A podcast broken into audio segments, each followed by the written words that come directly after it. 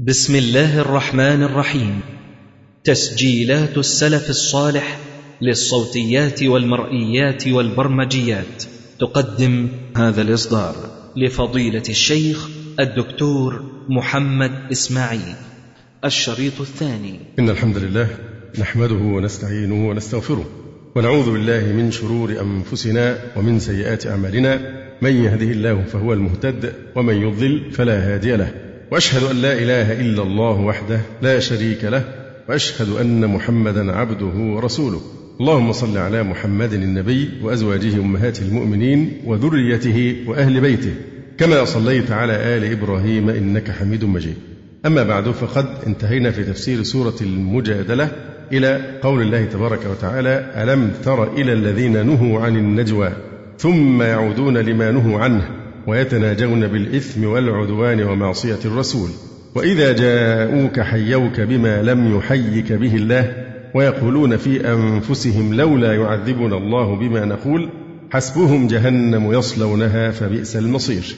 قوله تعالى ألم تر إلى الذين نهوا عن النجوى؟ هذا كلام مستأنف مسوق لبيان نمط آخر من تناجيهم وتغامزهم فيما بينهم. وهم اليهود والمنافقون كلما رأوا المؤمنين ويريدون بذلك إثارتهم وإذكاء حفيظتهم وطالما نهاهم النبي صلى الله عليه وآله وسلم عن ذلك بيد أنهم لا يكادون ينتهون حتى يعودوا لمثل فعلهم. ألم تر إلى الذين نهوا عن النجوى؟ ألم تر؟ أي ألم تنظر؟ أو ألم ينتهي علمك إلى الذين نهوا عن النجوى؟ هي لفظة ألم تر إلى. هكذا جاءت في القرآن الكريم يعني لم ترد في القرآن إلا بحرف الجر إلى. لكن هي يمكن أن يعني تتعدى بنفسها إلى المفعول بدون حرف الجر حتى وإن كانت لم تأتي في القرآن إلا بحرف الجر إلى. والشاهد قول امرئ القيس ألم ترياني كلما جئت طارقا وجدت بها طيبا وإن لم تطيبي. ألم ترياني؟ ولم يعني أستعمل لم تتعدى بحرف الجر. وإن كانت في القرآن تقريبا دائما تتعدى بحرف الجر لكن هذا لا ينفي جواز أن تتعدى بنفسها بدون حرف الجر. ألم تر إلى الذين نهوا عن النجوى؟ ما إعراب الواو في نهوا نائب فعل. ألم تر إلى الذين نهوا عن النجوى؟ ثم يعودون لما نهوا عنه. نلاحظ هنا أنه عدل عن صيغة الماضي المناسبة للعطف. يعني ألم تر إلى الذين نهوا نهوا في الماضي ثم عطف عليها ثم يعودون بالمضارع. واضح؟ فهنا عدل عن صيغة الماضي اللي هي مثلا لم يقل ثم عادوا لما نهوا عنه. نهوا ثم عادوا. فعدل عن صيغة الماضي المناسبة للعطف لسر لطيف وهو استحضار صورة العود وتجدده وتجسيده ثم يعودون لما نهوا عنه. ويتناجون بالإثم والعدوان ومعصية الرسول. ويتناجون الواو عاطفة. ويتناجون أيضا كما أشرنا جاءت في المضارع لبيان التجسيد والاستحضار والتجدد. ويتناجون بالإثم والعدوان ومعصية الرسول. هم اليهود نهاهم النبي صلى الله عليه وآله وسلم عما كانوا يفعلون من تناجيهم أي تحدثهم سرا. ناظرين إلى المؤمنين ليوقعوا في قلوبهم الريبة. وإذا جاءوك حيوك بما لم يحيك به الله. وإذا جاءوك إذا ظرف لما يستقبل من الزمان. وإذا جاءوك ما يعرف جملة جاءوك؟ مضاف إليه؟ بعد الظرف. وإذا جاءوك فجاءوك مضاف إليه. وإذا جاءوك حيوك. يعني خاطبوك أيها النبي صلى الله عليه وسلم بما لم يحيك به الله. يعني بما لم يشرعه الله ويأذن به. يقول القاضي كنعان قوله تعالى وإذا جاءوك حيوك إلى آخر الآية أخرج أحمد والبزار والطبراني بسند جيد عن عبد الله بن عمرو بن العاص رضي الله عنهما أن اليهود كانوا يقولون لرسول الله صلى الله عليه وسلم ساموا عليكم أي الموت ثم يقولون في أنفسهم لولا يعذبنا الله بما نقول يعني لو كان نبيا لعذبنا الله بقولنا هذا فنزلت هذه الآية وإذا جاءوك حيوك بما لم يحيك به الله ويقولون في أنفسهم لولا يعذبنا الله بما نقول. وأخرج البخاري ومسلم وغيرهما عن أم المؤمنين عائشة رضي الله عنها قالت دخل على رسول الله صلى الله عليه وآله وسلم يهود فقالوا السام عليك يا أبا القاسم. وهذا من لحن قولهم كأنهم يدعون عليه صلى الله عليه وآله وسلم بالموت السام هو الموت. السام وللأسف الشديد يوجد الآن من الناس من ينطق الكلمة بسرعة سام عليكم نفس الشيء تشبه هذا من يتشبه باليهود. وأنت بتدعي على اللي بتحييه أم أنك تحييه. فينبغي الإفصاح. إذا الإنسان سلم يفصح ويعرب نطقه بحيث لا يشبه هذا اللحن. تقول أم المؤمنين دخل على رسول الله صلى الله عليه وآله وسلم يهود فقالوا السام عليك يا أبا القاسم. فقالت عائشة رضي الله عنها وعليكم السام واللعنة. فقال يا عائشة إن الله لا يحب الفحش ولا التفحش. قلت ألا تسمعهم يقولون السام عليك؟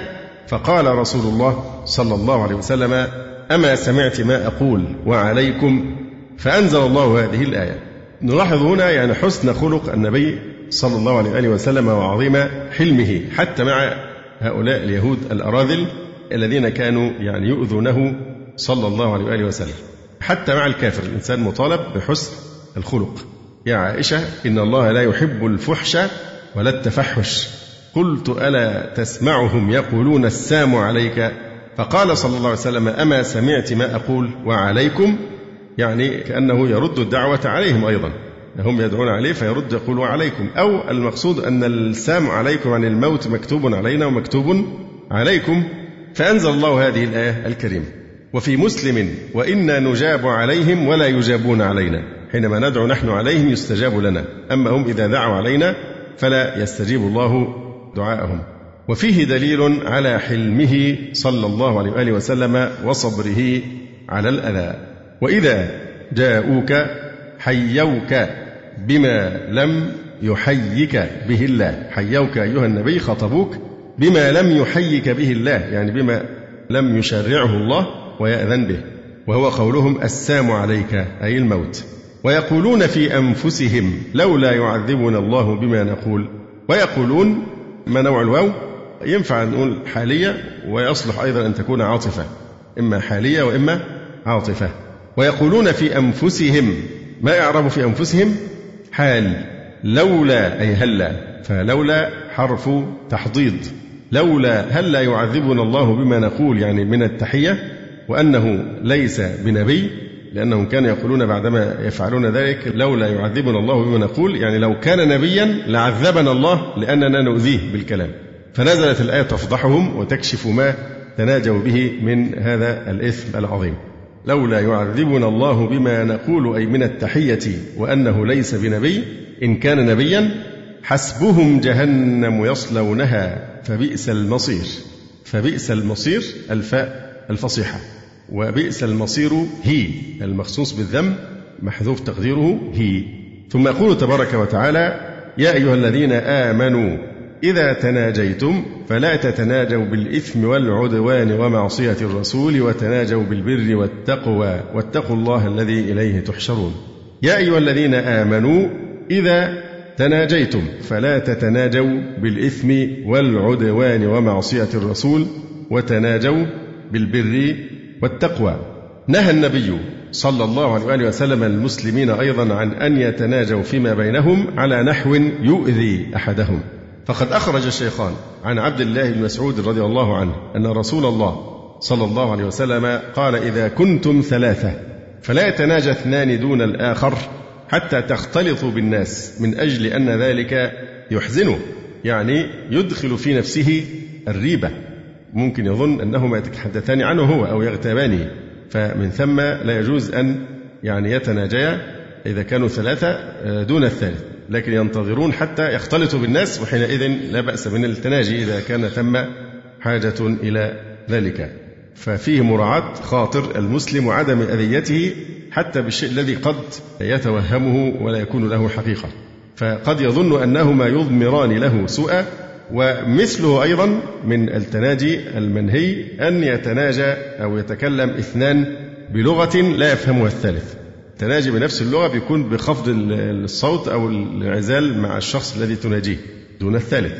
لكن ممكن تتكلم معه أمامه وأنت تتناجى لأن اللغة لا يفهمها سوى أنت وهو والثالث لا يعرف هذه اللغة. في هذه الحالة هذا من التناجي. لماذا؟ لأن يقع منه نفس الأذى لأنه قد يتوهم أنكما تضمران له سوءا. وهذا من أرفع درجات الأدب الذي أرشد إليه النبي صلى الله عليه وآله وسلم. يا أيها الذين آمنوا إذا تناجيتم فلا تتناجوا بالإثم والعدوان ومعصية الرسول وتناجوا بالبر والتقوى. واتقوا الله الذي إليه تحشرون. واتقوا الله الذي الذي إعرابها؟ آه صفة صفة لله عز وجل. الذي إليه تحشرون الواو نائب فاعل. ثم يقول تعالى إنما النجوى من الشيطان إنما كافة ومكفوفة إنما النجوى بالإثم ونحوه من الشيطان أي من غرور الشيطان ليحزن الذين آمنوا. اللام هنا للتعليل. فحينما تقع النجوى فإن الذي يؤز الناس على ذلك هو الشيطان ليوقع الحزن في قلب المؤمن الذي يظن أنه يراد به سوء ليحزن الذين آمنوا. وليس بضارهم شيئا إلا بإذن الله. ليس هو يعني هذا الأمر ليس بضارهم شيئا. طيب ما نوع الواو؟ وليس بضارهم الواو حالية. وليس هو بضارهم شيئا إلا بإذن الله. إلا أداة حصر. وليس بضرهم شيئا إلا بإذن الله هذا الحصر أي بإرادته. وعلى الله فليتوكل المؤمنون. ثم يقول تعالى يا أيها الذين آمنوا إذا قيل لكم تفسحوا في المجالس فافسحوا يفسح الله لكم وإذا قيل انشزوا فانشزوا يرفع الله الذين آمنوا منكم والذين أوتوا العلم درجات والله بما تعملون خبير. يا أيها الذين آمنوا إذا قيل لكم تفسحوا تفسحوا يعني توسعوا تفسحوا في المجالس. في هذه الآية بيان لأدب المجالس في الإسلام المبني على التعاون والتراحم والاحترام لا على التمييز. روى البخاري ومسلم واللفظ له عن ابن عمر رضي الله عنهما أن رسول الله صلى الله عليه وسلم قال لا يقيم الرجل الرجل من مجلسه ثم يجلس فيه. لا يقيم الرجل الرجل من مجلسه ثم يجلس فيه.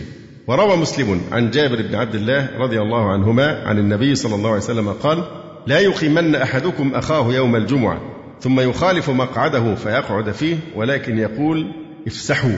وهذا النهي عام في الجمعة وغيرها كما يفيده الحديث السابق. ويجوز في الفعلين يجلس في الحديث الأول ويخالف في الحديث الثاني الواقعين بعد لا بتقدير ثم هو يجلس. والجزم بالعطف على موضع فعل النهي والنص بإعطاء ثم حكم واو الجمع. فالمهم هنا في قول الله تبارك وتعالى يا أيها الذين آمنوا إذا قيل لكم تفسحوا في المجالس فافسحوا. فقيل أن المجلس المقصود مجالس هنا المجلس من مجالس القتال ومراكز الغزاة. وقيل هو مطلق في كل ما يبتغيه الناس للمنفعة في كل مجلس أو ناد. وهذا هو الأولى والأقرب لأسلوب القرآن الكريم في تعليم الأدب الرفيع. أي مجلس هذه من آداب المجالس. وأخص ما يكون ذلك مثلا في الحج في المسجد الحرام حينما يكون أو المدينة حين يكون الزحام شديدا والناس تتشاح بالتوسعة. تجد الواحد يجلس متربعا ليأخذ أقصى مساحة ويرى الناس في حاجة إلى مكان فلابد الإنسان يستحضر أن هذا الذي أتى إلى بيت الله يريد أن يعبد الله أيضا. يعني هو مش بنفسه في تجارة ولا في أموال وفي ولا في حظوظ الدنيا إنما يريد المنافسة في الخيرات. فما فما يخسر شيء إذا رفق بإخوانه وفسح لهم. وبالذات إن عملية الاستجابة للأمر الإلهي بالإفساح والتوسعة تظهر بركتها. يعني قد تنظر في المكان أو في الصف تشعر أن لا يوجد أي على الإطلاق أي مكان. لكن متى ما تراحم الناس وتسامحوا بيوجد أماكن. من أين تأتي لا تعرف. فهي بركة اتباع الأمر الإلهي. فمسألة الإنسان يشح ويظن على أخيه الذي يريد أيضا أن يعبد الله. أيضا لو قام الرجل لحاجة أو لأي مصلحة لا يجوز لأحد أبدا أن يأخذ مكانه في المسجد. المسجد مكان لمن سبق إليه. وما يحدث من بعض الناس أنه يجي في المسجد بتحصل في المسجد الحرام كتير. حجز مكان بالمصلى ويروح بقى وياكل وينام وكذا وهو ضامن إنه حاجز مكان بالمصلى عشان يضمن يكون في الصف الأول. فهذه بدعة. هذا من الانحراف عن هدي الأدب الإسلامي. إما كان أنت حق بيه لما تكون جاي لأجل أن إيه؟ أن تصلي وتمكث فيه. لكن تحجزه بحيث تمنع المسلمين إذا سبق إلى الصلاة ولا يجد مكانا فهذا ليس من يعني أدب الإسلام. حقيقة موضوع أدب المجالس من الأمور المهمة جدا والتي فصل فيها الإسلام تفصيلا وفصلت فيها أيضا السنة. فهذا من الموضوعات التي نرجو أن تأتي فرصة نتحدث فيها بالتفصيل لكن المقام لا يتسع لأكثر من هذا حتى ننجز القدر المطلوب في تفسير يعني السورة الكريمة.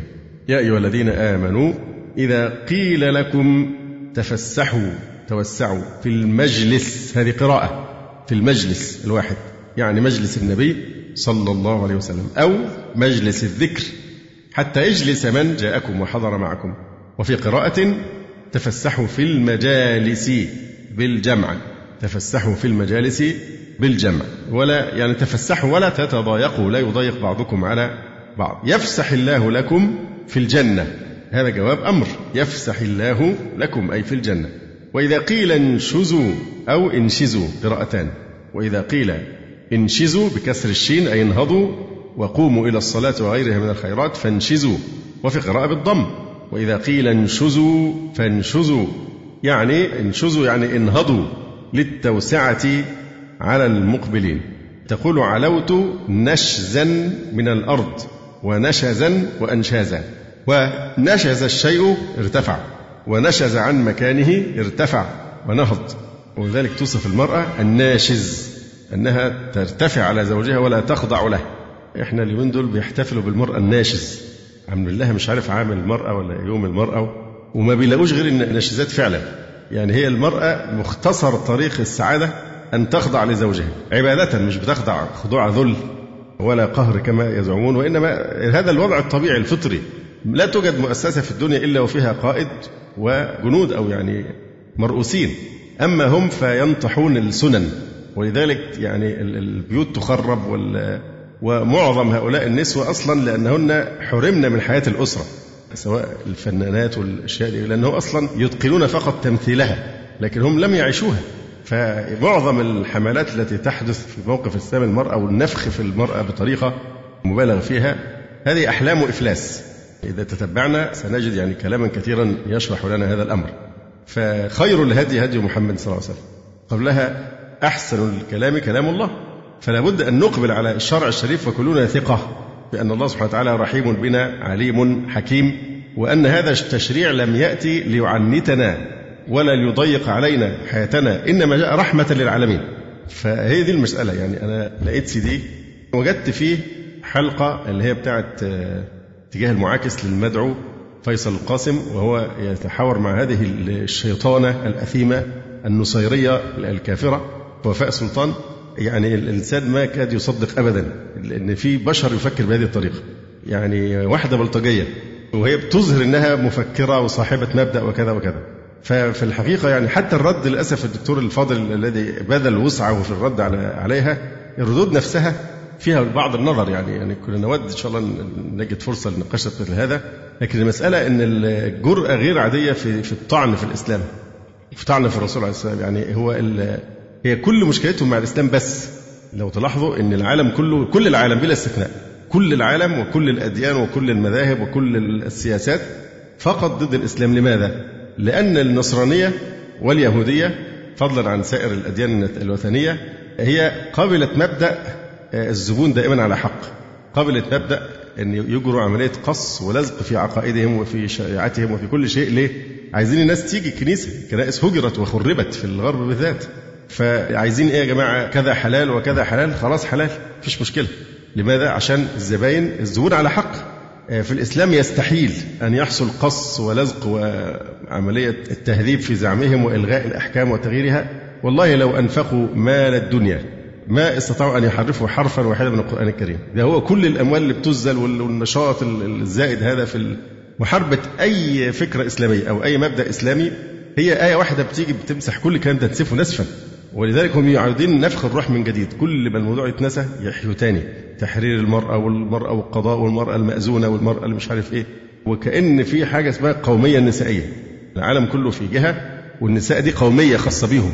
ويهللوا بقى إن الواحدة في روسيا مش عارف اشتغلت زبالة وواحده في البحرين بقت قاضية انتصار لجنس المرأة قومية المرأة القوميه النسائية. كأنها هي جزء مفصول من أمتها.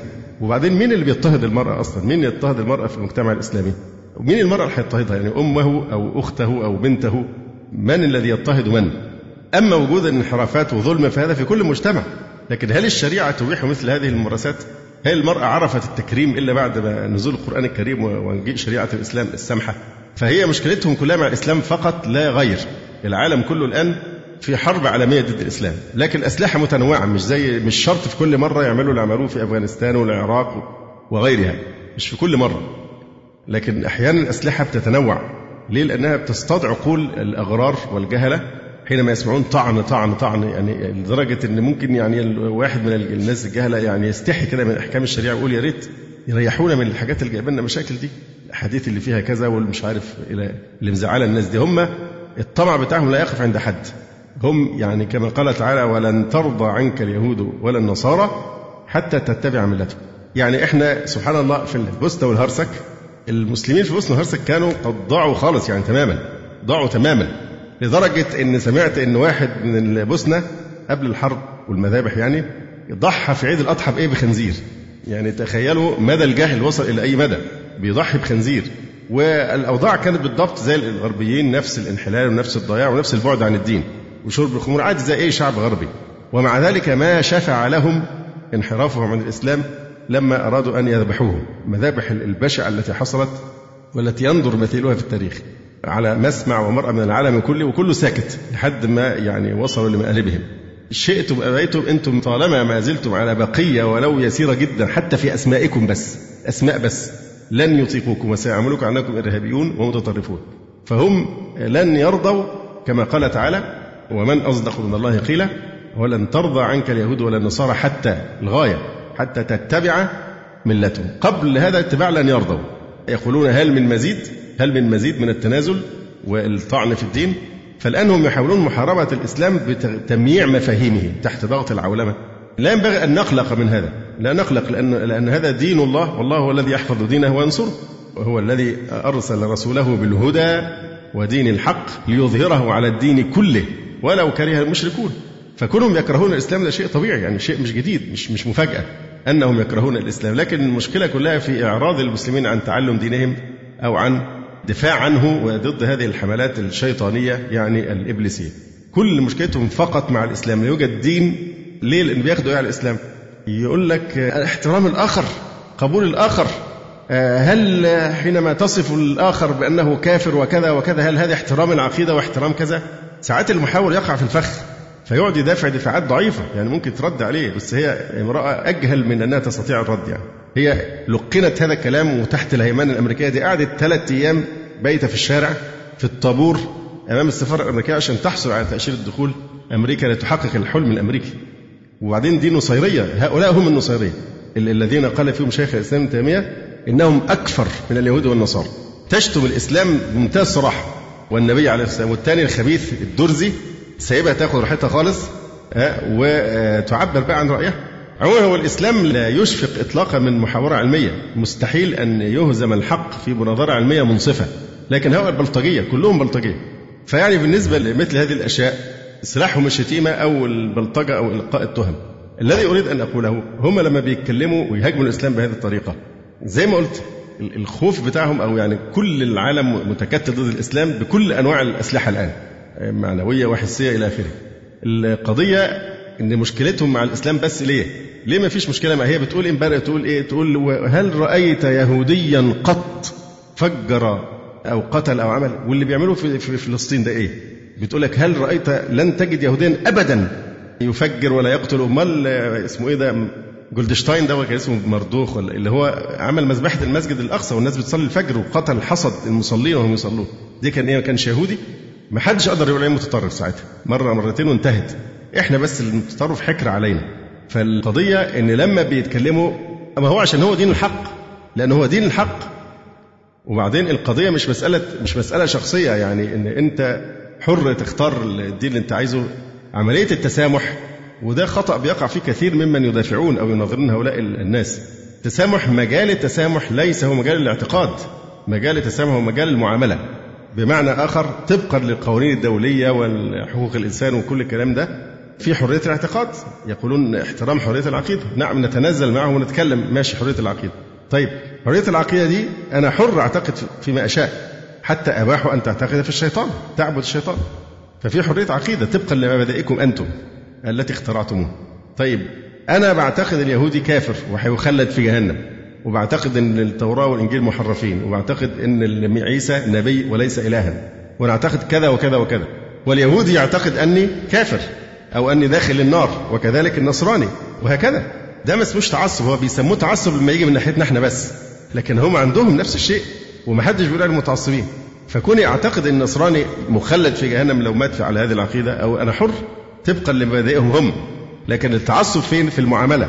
أنك عندما تتعامل معه تبخسه حقه أو تظلمه أو نحو ذلك من المخالفات للشرع الشريف.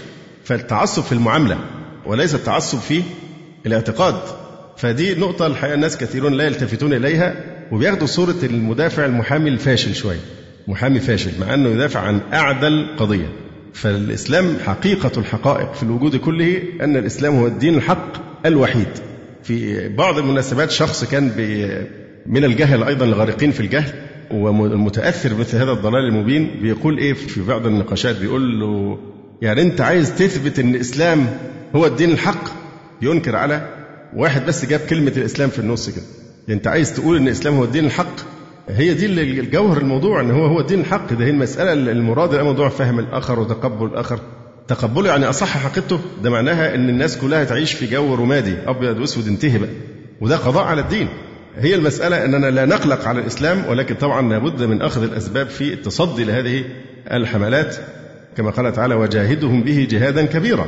يعني بالقرآن الكريم. هذا من أقدس أنواع يعني الجهاد. بس الملاحظة الأخيرة لأني استطردت. أنا تعجبت أن الإخوة أمام المسجد يبيعوا مثل هذه السيديهات. معلش يعني عيب إن الإخوة اللي بيشتغلوا في موضوع الأشرطة والحاجات دي عيب عليهم إن يبقى برضه منطق البيزنس يعني والتسوق. لابد إن اللي يجي المسجد يبقى عنده عقيدة.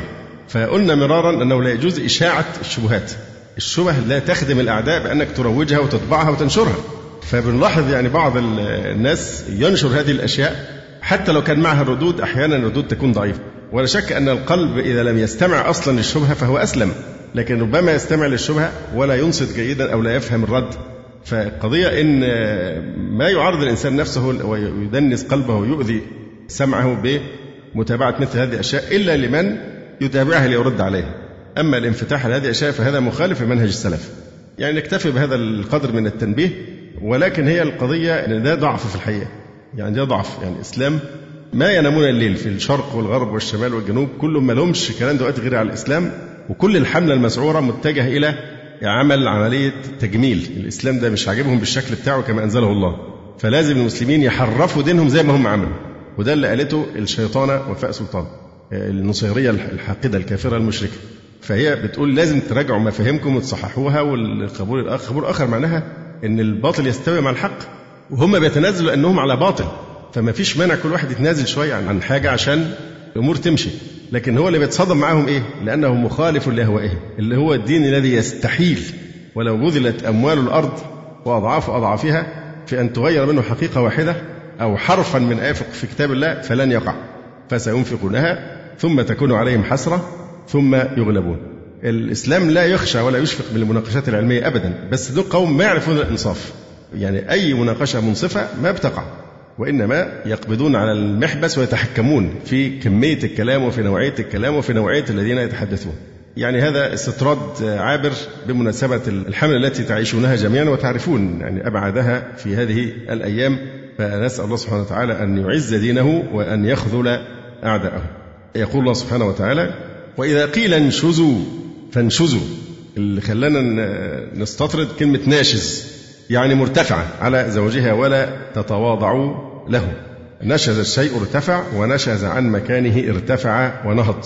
وإذا قيل انشزوا فانشزوا يقال أنشزه يعني رفعه من مكانه. هي النون مع الشين باعتبارها فاء وعينا لها خاصية عجيبة وهي الدلالة على السرعة والارتفاع. ودي من أسرار اللغة العربية العجيبة جدا إن أي مادة الفاء بتاعتها نون والعين. شين بتكون غالبا أو دائما دل على السرعة والارتفاع. مثلا أنشأ الله الخلق فنشأوا. أنشأ قصيدة يعني بسرعة. أنشأ شعرا أنشأ عمارة أنشأ يفعل كذا. من أين نشأت؟ أو أنشأت يعني نهض. نشب العظم في الحلق والصيد في الحبالة ومخالب الجارح في الآلة. وتنشب وأنشب فيه مخالبه افترسه بسرعة. وأنشب فيه مخالبه ورماه بنشابة وتراموا بالنشاب والنشاشيب. وفي جميع ذلك يبدو معنى السرعة واضحا. ونشب الشر والحرب بينهم نشوبا. ولم ينشب أن قال. يعني إيه؟ ما لبث. دي موجودة في الحديث بتاع إيه؟ ثم لم ينشب ورقة أن توفي. ونشج الباكي نشيجا. وهو الغصص بالبكاء. وارتفاع الصوت بالبكاء. وتردده في السطر وأنشدني شعرا إنشادا حسنا. لماذا؟ لأن المنشد يرفع صوته بما ينشده. نشر الثوب والكتاب وصحف منشرة ونشر الله الموتى نشرا وله نشر طيب. نشر طيب يعني ما انتشر وارتفع من رائحته. يقول المرقش يصف نساء النشر مسك والوجوه دنانير وأطراف الأكف عنم ونش اللحم في المقلاة نشيشا ونشت الخمر أو الخمر تنش إذا أخذت تغلي. ورجل نشط نشط ننوشينه نشط يعني إيه؟ طيب النفس للعمل مسرع فيه. ونشع الصبي الدواء وأنشعه يعني أوجره فانتشع. والإسراع ملحوظ فيه أيضا. نشف الماء بنفسه يعني أسرع في النضوج جف بسرعة. فأيضا في معنى الإيه؟ فدي خاصية غريبة أن بالذات تكون في بدايات الإيه؟ الكلمات. فهذه من أسرار اللغة هذا أيضا استطراد يعني لغوي. يا أيها الذين آمنوا إذا قيل لكم تفسحوا في المجالس فافسحوا يفسح الله لكم في الجنة. وإذا قيل انشزوا أو انشزوا فانشزوا أو انشزوا يرفع الله الذين آمنوا منكم بالطاعة في ذلك. والذين يعني ويرفع الذين أوتوا العلم درجات أي في الجنة. والله بما تعملون خبير. يرفع الله الذين آمنوا منكم منكم ما إعرابها؟ حال. والذين يعني ويرفع الذين أوتوا العلم درجات. ما إعراب العلم؟ العلم هنا مفعول ثان. طيب ما نوع اللام في العلم؟ يعني ابن القيم يقول في هذا اللام في قوله تعالى والذين أوتوا العلم ليست للاستغراق وإنما هي للعهد. أي العلم الذي بعث الله به نبيه صلى الله عليه وآله وسلم. والذين أوتوا العلم درجات أي في الجنة والله الواو هنا استئنافية. والله بما تعملون خبير. يقول الناصر لما علم أن أهل العلم بحيث يستوجبون عند أنفسهم وعند الناس ارتفاع مجالسهم خصهم بالذكر عند الجزاء. يعني الله سبحانه وتعالى لما أنزل هذه الآية علم الله تعالى أن أهل العلم بالذات ربما تتشوف نفوسهم إلى ارتفاع ارتفاع المجالس وارتفاع المعاملة ونحو ذلك فخصهم بالذكر في الجزاء مع أن هم داخلون طبعا تبعا مع المؤمنين. يا أيها الذين آمنوا فداخل فيها أهل العلم. وكل المسلمين يا أيها الذين آمنوا إذا قيل لكم تفسحوا في المجالس فافسحوا يفسح الله لكم وإذا قيل انشزوا فانشزوا ثم قال يرفع الله الذين آمنوا منكم والذين أوتوا العلم درجات. فخص أولي العلم بالذكر عند الجزاء ليسهل عليهم ترك ما لهم من الرفعة في المجلس تواضعا لله تعالى لأن نفوسهم تميل إلى إلى هذه الرفعة فخصهم بهذا الأمر وبإعطاء هذا الأمر حقه كي يرغبهم في التواضع وعدم الحرص على الرفعة والتقديم في المجالس. وهذا كما قال الشهاب من مغيبات القرآن لما ظهر من هؤلاء في سائر الأعصار من التنافس في رفعة المجالس ومحبة التصدير. يعني طبعا نقول إلا من رحم الله خص علماء السلف ومن يعني سلك مسلكه من الخلف. وعلى أي الأحوال ما ينبغي الكلام على أخطاء أهل العلم أو النقائص البشرية التي قد توجد فيهم لكن لأن مسألة الترأس من أصعب الأشياء في التخلص منها. واحد من الناس يعني ألف كتاب ويا ليته ما ألفه اسمه تحاسد العلماء مجلد كبير.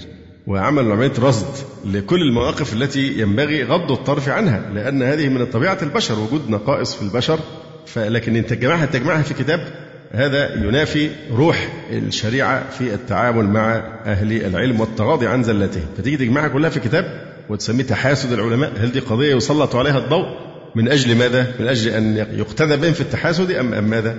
لأجل أن تعذرهم ودافع عنهم إذن لا تذكر هذا أصلا يعني ثم يقول تعالى يا أيها الذين آمنوا إذا ناجيتم الرسول فقدموا بين يدي نجواكم. صدقة. يا أيها الذين آمنوا إذا ناجيتم الرسول.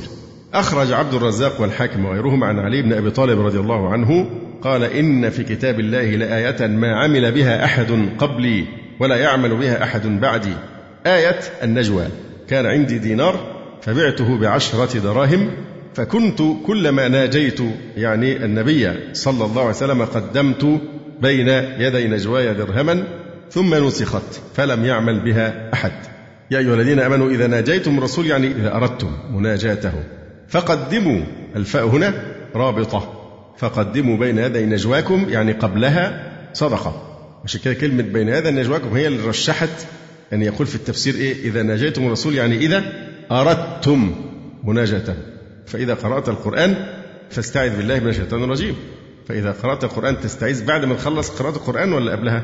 يبقى هنا نفسرها نقول إيه؟ إذا أردت أن تقرأ القرآن فاستعذ بالله. كذلك هنا إذا ناجيتم الرسول إذا أردتم مناجاته. ما الذي يؤيد هذا؟ قوله بعدها مباشرة فقدموا بين يدي. نجواكم يعني قبلها. طبعا لا بعدها صدقة. ذلك الإشارة إلى تقديم الصدقة على المناجاة. ذلك خير لكم وأطهر أي لذنوبكم. فإن لم تجدوا أي ما تتصدقون به فإن الله غفور رحيم. الفاء رابطة لجواب محذوف.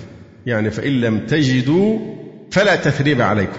فإن الله غفور لمناجاتكم رحيم بكم. يعني فهذا تعليل لرفع الحرج والتثريب.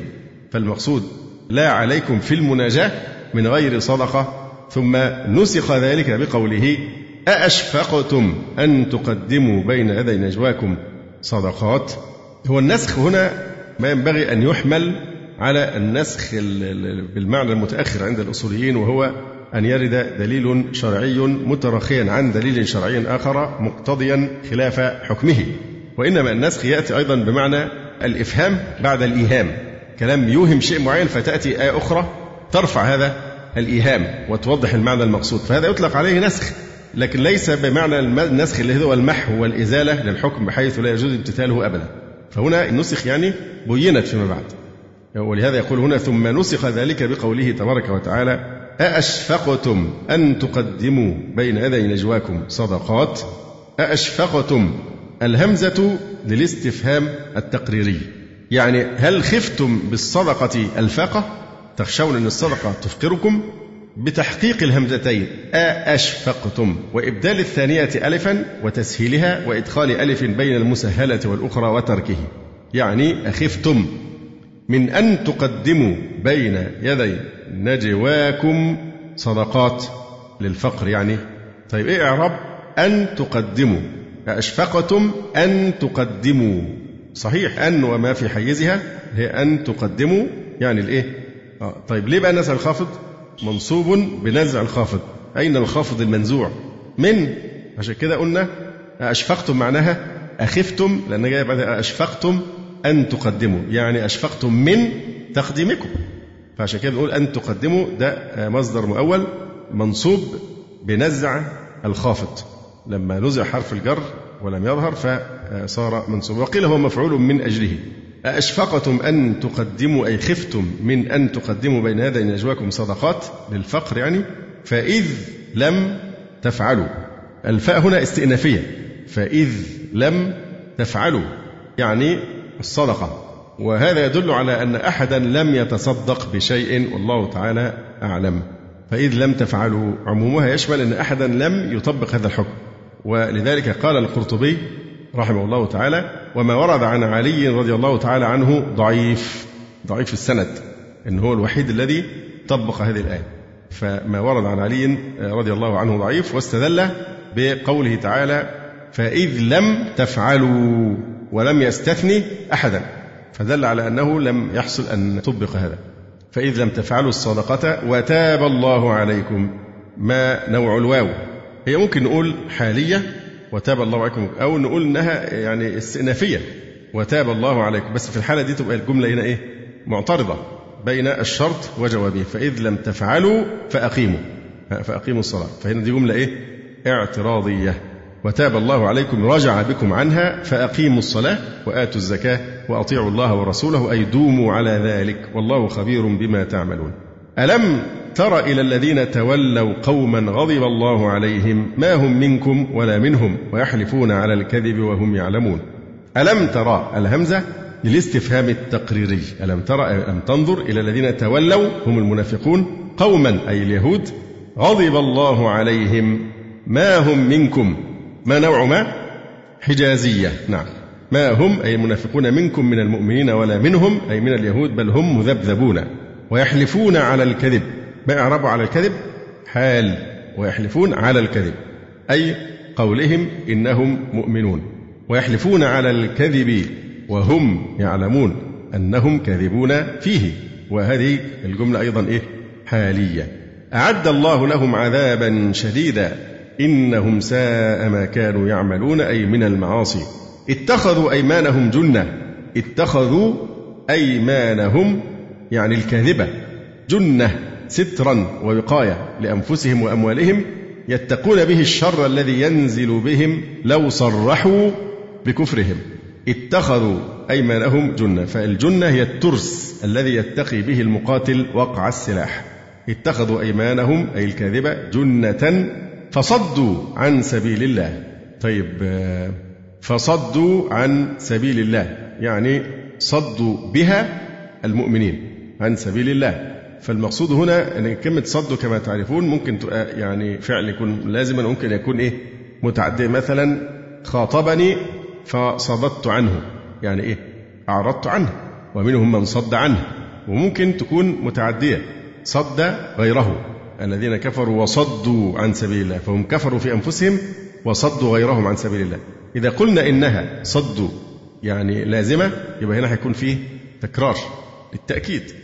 يعني إيه؟ الذين كفروا وصدوا عن سبيل كفروا وصدوا يعني أعرضوا عن سبيل الله. يبقى التكرار هنا من أجل الإيه؟ التوكيد. وممكن لو قلنا كفروا يعني في أنفسهم وصدوا عن سبيل الله غيرهم فهنا يبقى في إيه؟ تأسيس معنى جديد. فاللفظ حينما يتردد ما بين التوكيد والتأسيس يبقى الأولى أن يحمل على التأسيس لأن فيه إثبات معنى جديد. فلذلك آه، هنا قوله تعالى اتخذوا أيمانهم جنة هذا هو صدودهم في أنفسهم. فصدوا عن سبيل الله هذا هو صدودهم غيرهم ممن أطاعهم. فهنا متعدية. صدوا غيرهم عن سبيل الله. يقول فصدوا بها المؤمنين عن سبيل الله أي الجهاد فيهم بقتلهم وأخذ أموالهم.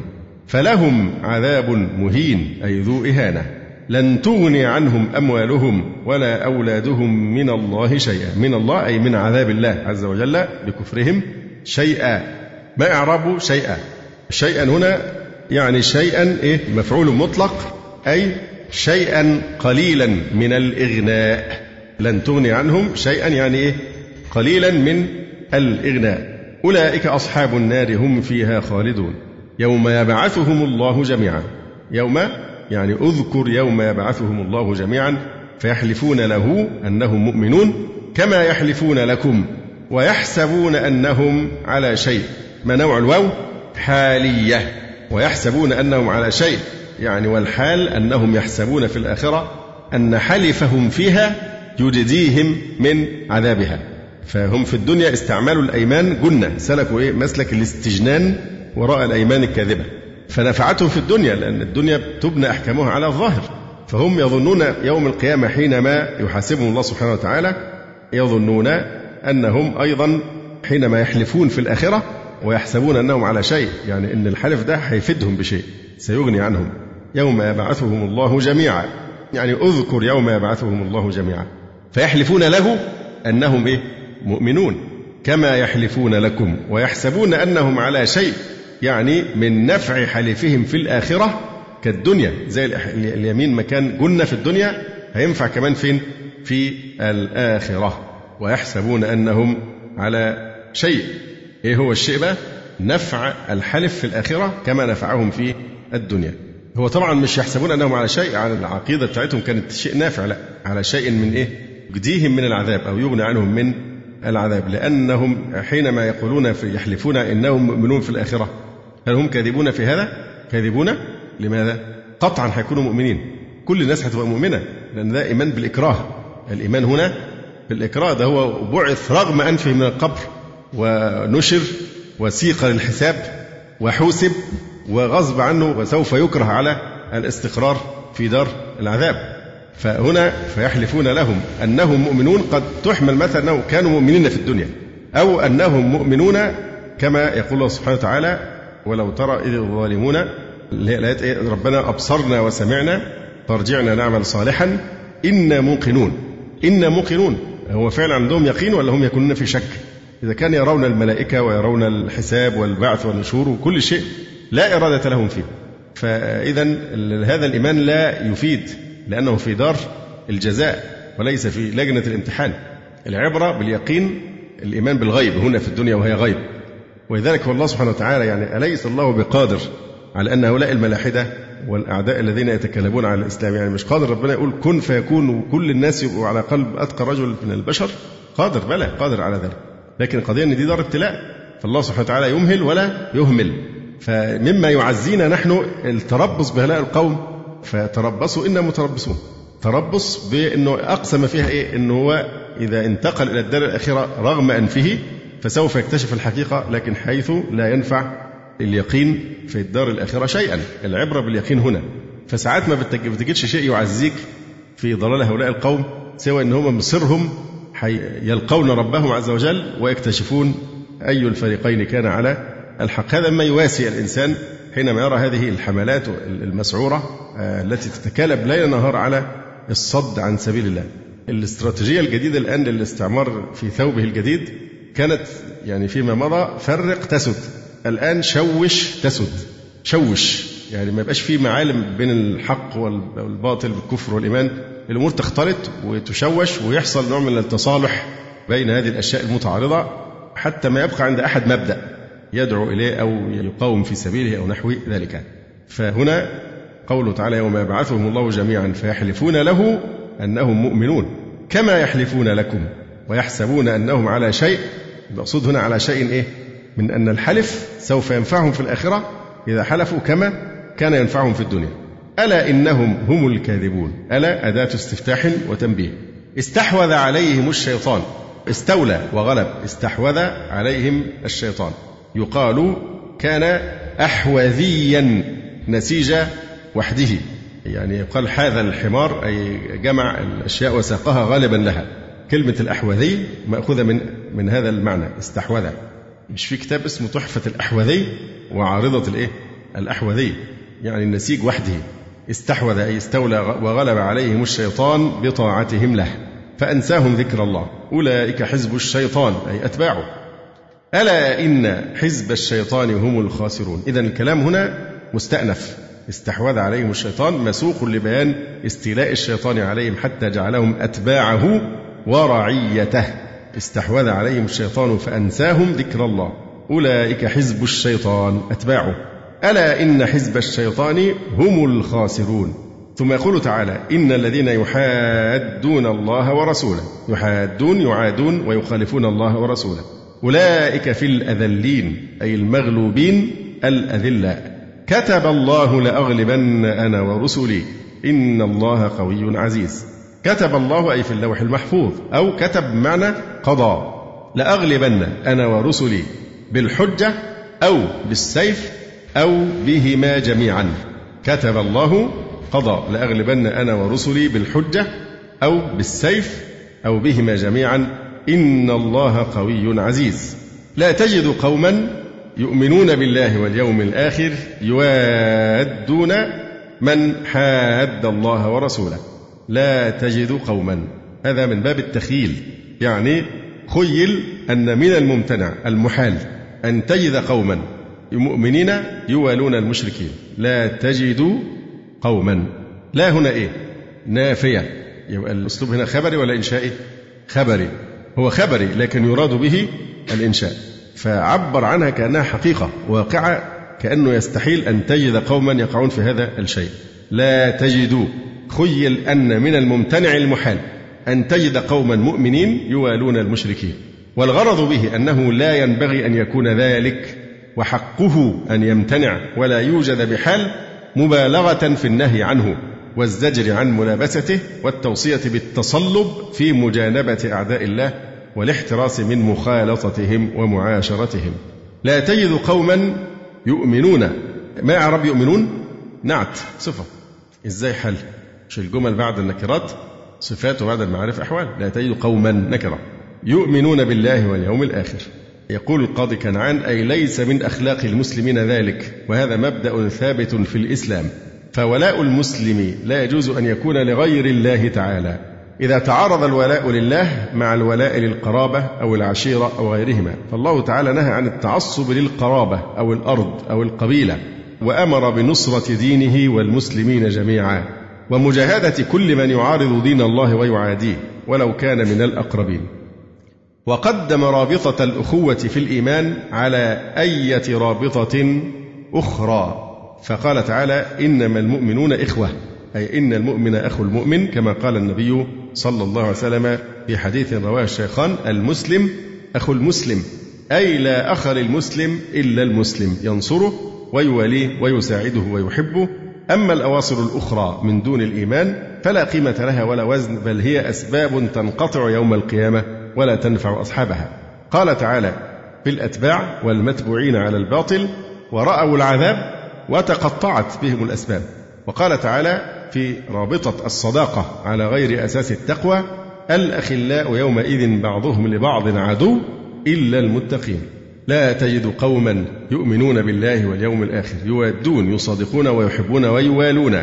من حاد أي خالف وحارب وعاد الله ورسوله ولو كانوا الواو حالية ولو شرطية ولو كانوا أي المحادون آباءهم ولو كانوا آباءهم أي المؤمنين أو أبناءهم أو إخوانهم أو عشيرتهم بل يقصدونهم بالسوء ويقاتلونهم على الإيمان. كما وقع لجماعة من الصحابة رضي الله تعالى عنهم كأبي عبيدة بن الجراح الذي قتل أباه يوم بدر ومصعب بن عمير قتل أخاه عبيدا وغيرهما ممن قتلوا أبناء قبيلتهم أو هموا بذلك فلم تلن قلوبهم لكافر ولو كان ذا قربى. أولئك الذين لا يوادونهم كتب أي أثبت في قلوبهم الإيمان وأيدهم بروح منه أي بنصر أو بالقرآن أو بنور وإيمان. منه أي تبارك وتعالى. ويدخلهم جنات تجري من تحتها الأنهار خالدين فيها. رضي الله عنهم يعني بطاعته ورضوا عنه بثوابه. أولئك حزب الله يتبعون أمره ويجتنبون نهيه. ألا إن حزب الله هم المفلحون أي الفائزون. ألا أداة استفتاح وتنبيه. ألا إن حزب الله هم المفلحون؟ إما هم يعني إما أنها ضمير فصل أو أنها إيه؟ مبتدأ. هم المفلحون أي الفائزون.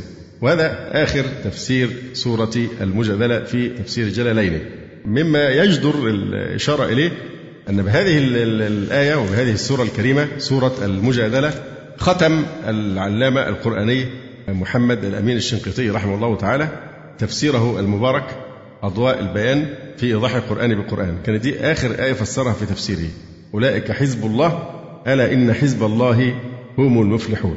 فلعلها كانت يعني علامة خاتمة حسنة لوفاة هذا العالم الذي هو إن شاء الله طبعا من حزب الله ألا إن حزب الله هم المفلحون. هذا يذكرنا بقضية أخرى وهي أن الشيخ محمد رشيد رضا رحمه الله تعالى أيضا كانت آخر آية فسرها في تفسير المنار. كانت في سورة يوسف في قوله تعالى رب قد آتيتني من الملك وعلمتني من تأويل الأحاديث فاطر السماوات والأرض أنت ولي في الدنيا والآخرة توفني مسلما وألحقني بالصالحين. هذا آخر ما فسره الشيخ محمد رشيد رضا رحمه الله تعالى وقضى أجله ولما يتم حتى تفسير سورة يوسف إنما وقف عند هذه الآية الكريمة.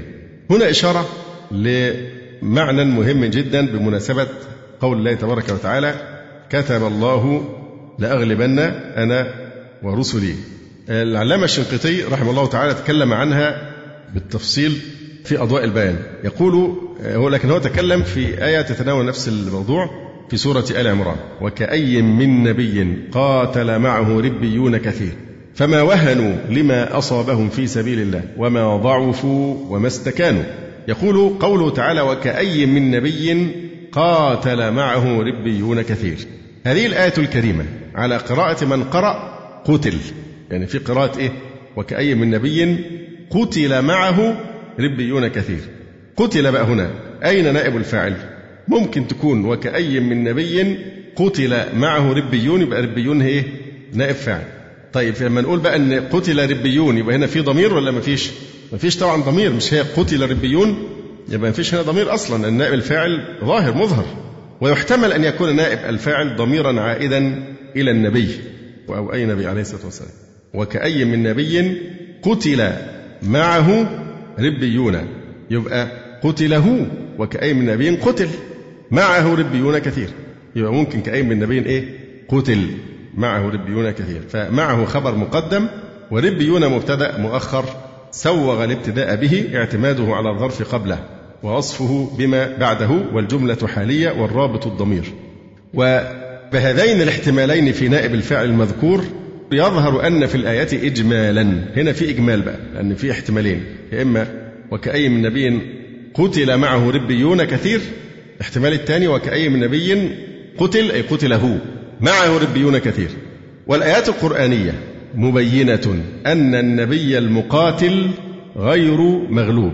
لا يمكن أن نبيا يشترك في قتال ويغلب. فالنبي المقاتل لا يغلب. كما صرح تعالى بقوله كتب الله لأغلبن أنا ورسلي وقال قبل هذا أولئك في الأذلين وقال بعده إن الله قوي عزيز وأغلب معاني الغلبة في القرآن الغلبة بالسيف والسنان. كقوله تعالى يكن منكم عشرون صابرون يغلبوا مئتين وإن يكن منكم مئة يغلبوا ألفا من الذين كفروا إلى آخره. وقوله تعالى إن تكن منكم مئة صابرة يغلبوا مئتين. وإن يكن منكم ألف يغلبوا ألفين. فالغلبة في القرآن الكريم غالبا ما تستعمل في الغلبة بالسيف والسنان. وقال تعالى ألف لام ميم غلبت الروم في أدنى الأرض وهم من بعد غلبهم سيغلبون في بضع سنين. وقال تعالى كم من فئة قليلة غلبت في القتال. فئة كثيرة. بإذن الله. وقال تعالى قل للذين كفروا ستغلبون وتحشرون إلى جهنم. إلى غير ذلك من الآيات. وبين تعالى أن المقتول ليس بغالب بل هو قسم مقابل للغالب. بقوله تعالى ومن يقاتل في سبيل الله فيقتل أو يغلب. فده نوع وده نوع مغاير له قسيمه ومن يقاتل في سبيل الله فيقتل أو يغلب. فاتضح من هذه الآيات أن القتل ليس واقعا على النبي المقاتل لأن الله كتب وقضى له في أزله أنه غالب وصرح بأن المقتول غير غالب. وقد حقق العلماء أن غلبة الأنبياء على قسمين غلبة بالحجة والبيان وهي ثابتة لجميعهم وغلبة بالسيف والسنان وهي ثابتة لخصوص الذين أمروا منهم بالقتال في سبيل الله. لأن من لم يؤمر بالقتال ليس بغالب ولا مغلوب لأنه لم يغالب في شيء. وتصريحه تعالى بأنه كتب أن رسله غالبون شامل لغلبتهم من غالبهم بالسيف. كما بينا أن ذلك هو معنى الغلبة في القرآن. وشامل أيضا لغلبتهم بالحجة والبيان. فهو مبين أن نصر الرسل المذكور في قوله تعالى إنا لننصر رسلنا وفي قوله ولقد سبقت كلمتنا لعبادنا المرسلين إنهم لهم المنصورون أنه نصر غلبة بالسيف والسنان للذين أمروا منهم بالجهاد. لأن الغلبة التي بين أنه كتبها لهم أخص من مطلق النصر لأنها نصر خاص. والغلبة لغة القهر والنصر لغة إعانة المظلوم فيجب بيان هذا الأعم بذلك الأخص. وبهذا تعلم أن ما قاله الإمام الكبير ابن جرير رحمه الله ومن تبعه في تفسير قوله تعالى إنا لننصر رسلنا. إلى آخر الآية. من أنه لا مانع من قتل الرسول المأمور بالجهاد. وأن نصره المنصوص في الآية حينئذ يحمل على أحد أمرين. أحدهما أن الله ينصره بعد الموت. بأن يسلط على من قتله من ينتقم منه كما فعل بالذين قتلوا يحيى وزكريا وشعيا من تسليط بخت تنصر عليهم ونحو ذلك. الثاني حمل الرسل في قوله إنا لننصر رسلنا على خصوص نبينا صلى الله عليه وآله وسلم أنه لا يجوز حمل القرآن عليه لأمرين.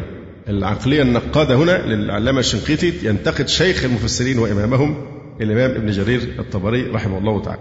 فالإمام ابن جرير فسر الآية وقال في أثناء تفسير إنا لننصر رسلنا والذين آمنوا في الحياة الدنيا ويوم يقوم الأشهاد. فقال إن لننصر رسلنا في سياق الكلام أثبت أنه لا مانع أن الرسول في أثناء الجهاد يقتل شهيدا يعني يقتل في القتال. طيب في هذه الحالة سيحدث إشكال. إزاي ربنا قال إنا لننصر رسلنا فهل المقتول ينصر؟ قال نعم.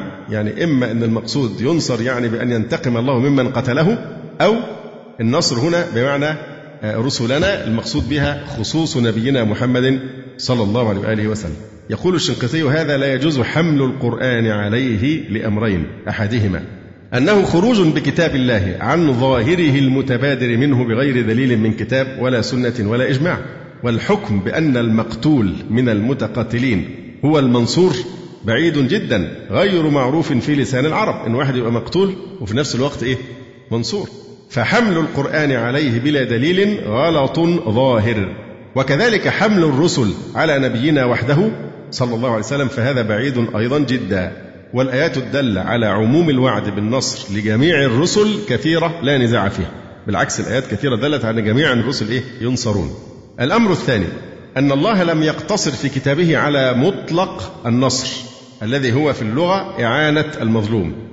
بل صرح بأن ذلك النصر المذكور للرسل نصر غلبة بقوله تعالى كتب الله لأغلبن أنا ورسلي وقد رأيت معنى الغلبة في القرآن ومر عليك أن الله جعل المقتول قسما مقابلا للغالب فيقتل أو يغلب. ومن يقاتل في سبيل الله فيقتل أو يغلب. وصرح تعالى بأن ما وعد به رسله لا يمكن تبديله بقوله جل وعلا ولقد كذبت رسل من قبلك فصبروا على ما كذبوا وأوذوا حتى أتاهم نصرنا ولا مبدل لكلمات الله. ولقد جاءك من نبأ المرسلين.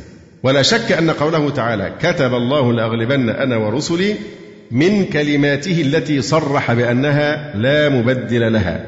وقد نفى جل وعلا عن المنصور أن يكون مغلوبا نفيا باتا بقوله إن ينصركم الله فلا غالب لكم. وذكر مقاتل أن سبب نزول قوله تعالى كتب الله لأغلبن أن بعض الناس قال يظن محمد وأصحابه أن يغلبوا الروم وفارس. كما غلبوا العرب زاعما أن الروم وفارس لا يغلبهم النبي صلى الله عليه وسلم لكثرتهم وقوتهم. فأنزل الله هذه الآية. كتب الله لأغلبن أنا ورسلي. إن الله قوي عزيز. وهو يدل على أن الغلبة المذكورة فيها غلبة بالسيف والسنان. يعني سبب النزول يدل على أنها مغلبة بالإيه؟ بالقتال. لأن صورة السبب لا يمكن إخراجها. إن سبب النزول يدخل دخولا قطعيا في إيه؟ في حكم الآية. ويدل له قوله قبله أولئك في الأذلين. وقوله بعده إن الله قوي عزيز. وقد قدمنا في ترجمة هذا الكتاب أننا نستشهد للبيان بالقراءة السبعية بقراءة شاذة. فيشهد لبيان الذي بينا به أن نائب الفاعل ربيون وكأي من نبي قتل معه ربيون وأن بعض القراء غير السبعة قرأ قتل معه ربيون وكأي من نبي قتل معه ربيون بالتجديد طيب التجديد يدل على إيه؟ التكثير. قتل معه ربيون. لأن التكثير المدلول عليه بالتجديد يقتضي أن القتل واقع على مين؟ على الربيين وليس على الأنبياء. وكأي من نبي قتل معه ربيون فيبقى قتل ربيون وهي دي نائب الفاعل. فهنا التكثير واقع على الربيين بدليل هذه القراءة غير السبعية. ولهذه القراءة رجح الزمخشري والبيضوي وابن جني أن نائب الفاعل ربيون بدليل إيه؟ قراءة قتل مش قتل بقى قتل معه ربيون كثير.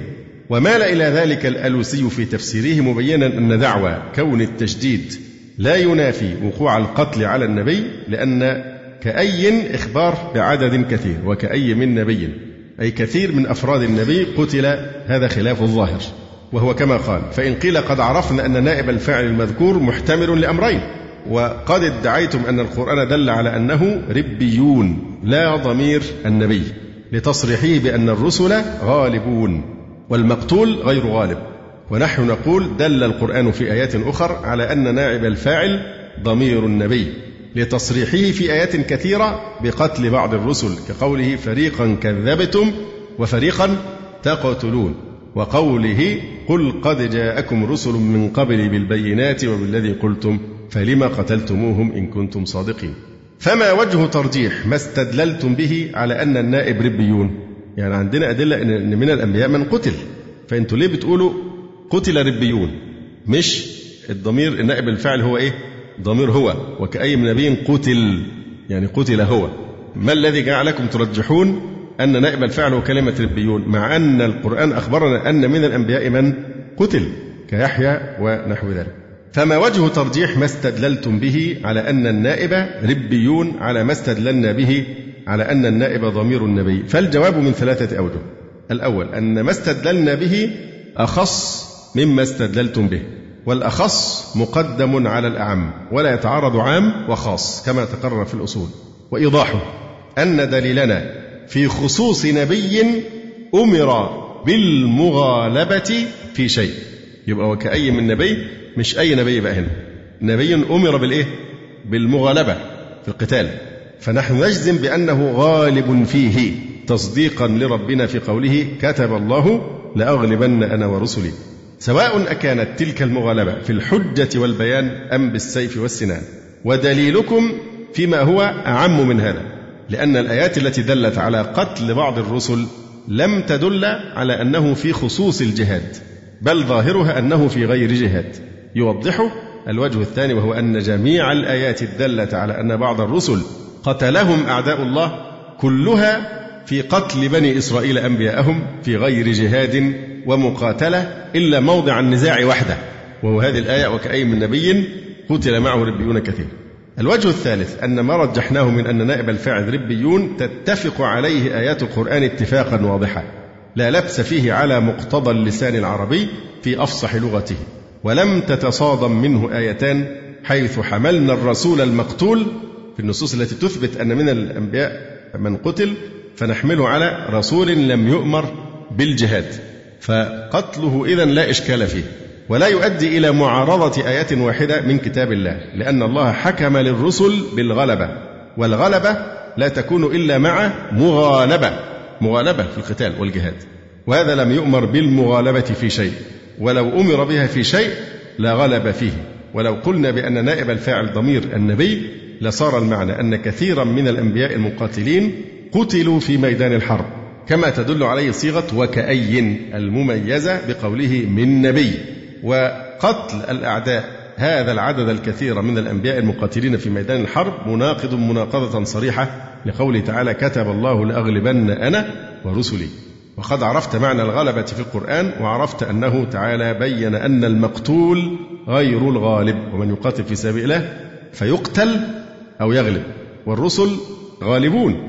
وهذا الكتاب العزيز ما أنزل ليضرب بعضه بعضا ولكن أنزل ليصدق بعضه بعضا. فاتضح أن القرآن دل دلالة واضحة على أن نائب الفاعل ربيون وأنه لم يقتل رسول في جهاد. لا يمكن في جهاد ومقاتلة أن رسولا إيه؟ يقتل. كما جزم به الحسن البصري وسعيد بن جبير والزجاج والفراء وغير واحد. وقصدنا في هذا الكتاب البيان بالقرآن لا بأقوال العلماء ولذا لم ننقل أقوال من رجح ما ذكرنا. وما رجح به بعض العلماء كون نائب الفاعل ضمير النبي من أن سبب النزول يدل على ذلك. قالوا ده هي دي نازلة في غزوة أحد سورة آل عمران. قوله تعالى وكأي من نبي قتل معه ربيون كثير فما وهنوا لما أصابهم في سبيل الله وما ضعفوا وما استكانوا. إلى قوله تعالى وما محمد إلا رسول قد خلت من قبله الرسل أفإن مات أو قتل انقلبتم على أعقابكم. فالفريق الذي يرجح أن نائب الفاعل وكأي من نبي قتل يعني أنبياء كثيرون قتلوا. فقالوا أن سبب النزول يرجح أن يكون نائب الفاعل هو ضمير إيه؟ هو يعود إلى النبي. لأن سبب نزولها أن الصائح صاح قتل محمد صلى الله عليه وسلم وأن قوله أفإن مات أو قتل يدل على ذلك. وأن قوله فما وهنوا لما أصابهم في سبيل الله يدل على أن الربيين لم يقتلوا لأنهم لو قتلوا لما قال عنهم فما وهنوا لما أصابهم. إلى آخر الآية. يقول الشنقيطي فهو كلام كله ساقط وترجيحات لا معول عليها. فالترجيح بسبب النزول فيه أن سبب النزول لو كان يقتضي تعيين ذكر قتل النبي لكانت قراءة الجمهور قاتل جارية على خلاف المتعين وكأي من نبي قاتل معه. فهذا ظاهر السقوط. والترجيح بقوله أفإن مات أو قتل ظاهر السقوط لأنهما معلقان بأداة الشرط والمعلق بها لا يدل على وقوع نسبة أصلا لا إيجابا ولا سلبا حتى يرجع بها غيرها. فإن مات أو قتل ده هنا ده يثبت أن الرسول قتل؟ دي مجرد إيه؟ أداة شرط. فتعليق الأمر على أداة شرط لا يدل على أنه يقع. وإذا نظرنا إلى الواقع في نفس الأمر وجدنا نبيهم صلى الله عليه وسلم في ذلك الوقت لم يقتل ولم يمت. والترجيح بقوله فما وهنوا لما أصابهم في سبيل الله وما ضعفوا وما استكانوا. بعد النبي ما قتل فما وهنوا لما أصابهم في سبيل الله وما ضعفوا وما استكانوا. معناه أن هم كانوا عايشين. لأنهم لو كانوا هم اللي قتلوا لما بقي أحد يطبق عليه قوله إيه فما وهنوا لما أصابهم إلى آخره يقول سقوطه كالشمس في رابعة النهار. وأعظم دليل قطعي على سقوطه قراءة حمزة والكسائي. ولا تقتلوهم عند المسجد الحرام حتى يقتلوكم فيه. فإن قتلوكم فاقتلوهم. كل الأفعال من القتل لا من القتال. ودي أهمية معرفة القراءات. لها تأثير خطير جدا في التفسير وفي فهم الآيات. يبقى هنا إيه الشاهد بقى؟ فإن قتلوكم فاقتلوهم. لو, لو, لو كان المقصود فإن قتلوكم يبقى كلهم قتلوا. هيجي بعدها فاقتلوهم ولا المقصود فإن قتلوا بعضكم فليقتل البعض الآخر الباقين منهم. فهو هنا بيبطل كلمة إيه؟ باستدلاله بقوله تعالى فما وهنوا لما أصابهم في سبيل الله وما ضعفوا وما استكانوا معناها أن هم إيه؟ آه باقون نعم. يقول كل الأفعال من القتل لا من القتال ولا تقتلوهم عند المسجد الحرام حتى يقاتلوكم فيه. فإن قتلوكم فاقتلوهم. وهذه القراءة السبعية المتواترة فيها. فإن قتلوكم بلا ألف بعد القاف فعل ماض من القتل. فاقتلوهم. أفتقولون هذا لا يصح لأن المقتول لا يمكن أن يؤمر بقتل قاتله؟ بل المعنى فإن قتلوكم يعني قتلوا بعضكم. وهو معنى مشهور في اللغة العربية يقولون قتلونا وقتلناهم. يعنون وقوع القتل على البعض كما لا يخفى. هذا آخر ما تيسر من الكلام على معاني هذه السورة الكريمة. أقول قولي هذا وأستغفر الله لي ولكم. سبحانك اللهم ربنا وبحمدك أشهد أن لا إله إلا أنت أستغفرك وأتوب إليك.